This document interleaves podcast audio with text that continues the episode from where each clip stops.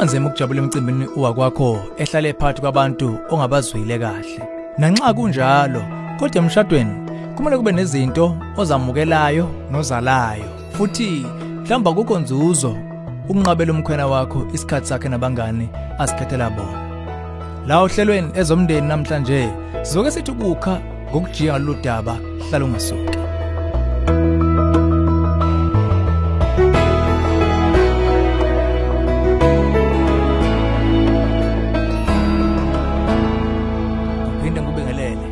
Ezomndeni uhlelo ulethe izeluleko eziphathekayo ngaba focus on the family. Uma kodwa usibhalela umbuzo wathi yikuphi engakwenza ngokungabe inkamnkam kwami ngabangani bomkhwena wami? Sithokozile futhi sebudlana obuhle kakhulu. Ngaphandle kwento eyodwa nje angizwani nabangani bakhe. Ikhona indlela yokusombulula lenkingi isiholele kuphikisana nonqubuzana ngazo zonke izikhathi kuhle kuba sisho ukuthi ukwazi nokhalipho nokuqonda okudingakalayo ukulungisa lokhu kungefani kwenu osekuchazile kusemqoka ekuphumeleleni komshado wenu. Njengoba sibona thina lolu daba lungakupha wena nomkhwena wakhe ithuba elikhulu ukufunda ukuthi kusho ukuthini ukuthambela ukuthandwa ngomunye umuntu. Awukho umshado oyonqoba ivunguvungu zeminyaka uma kuukuthi ngamunye kuwo akafundi ukwehla kwakuthandayo anikuwa kakhe akuthandayo zikhathi zonke kumbe anikeze omunye ithuba kulomshado bengasiza ke uma bekuthiwa besinolwazi oluthe xaxa oluqonde ngqo ngesimo seni phecelezi lo specific.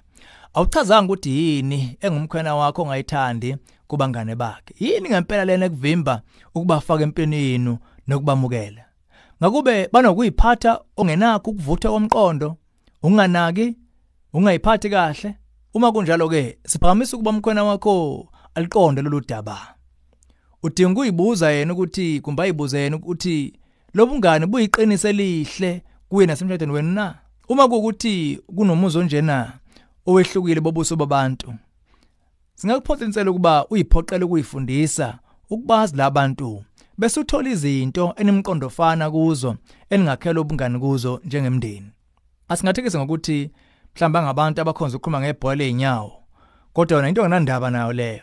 Sekwafunda yini ukuyigwinya ngokuthi kube nguwe ofundayo ngebhola leinyawo ukwenze ngenxa yomshado wakho?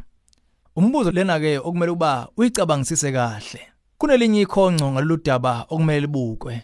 Awusho ngolutho ngokukholwa kwakho kodwa uma kukuthi ungumKristu uNkulunkulu uyazisa ezokuxhumana ngokweqophelo eliphezulu kwezobudlelwane nabanye abantu. uJesu akazange asitshele ukuba sithande kuphela labo esikubuka kunye nabo.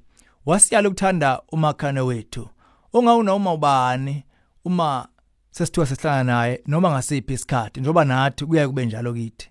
Nakubungeke wanokuningi okumqondo ofana nabangani bomkhwena wakho. uNkulunkulu ukubizela ukubabekezelela ukufunda ukubamukela yebo nebala nokubathanda ngothando lukaKristu. Asikhuthaze uthi jeqe kuwebsite yethu eh kuyinsiza ezingakusiza ukulungisa lolu daba ngendlela eqondile. Incwadi efika emqondweni wethu ngethi love and respect ebhalwe nguEmerson Engelricks nokho sinamakhulu engamakhulu einsiza ongakhetha kuzo nembhalo futhi ehlukehlukene engeyihloko eziningi engaba inhlaka amxhwele kuwe. Ngakho yithi cofocofo ku safamily.co.za ukunteza ku website yethu. Sokhuleka ukuthi uyibukisise enhlizweni uyihlole ukuthi lobunyama nambano nabo ngabangani bomkhona wakho buqhamukapi hlehlehle ubudlane bomshado wakho ufanelwe yonke amandla nesikhathi sonke ongasifaka kuwo ukuze ukwazi ukuthi ulungise. Lolu hlelo ezomndeni ulethulelwe yi-focus on the family sihlangabezwa ohlelweni oluzayo.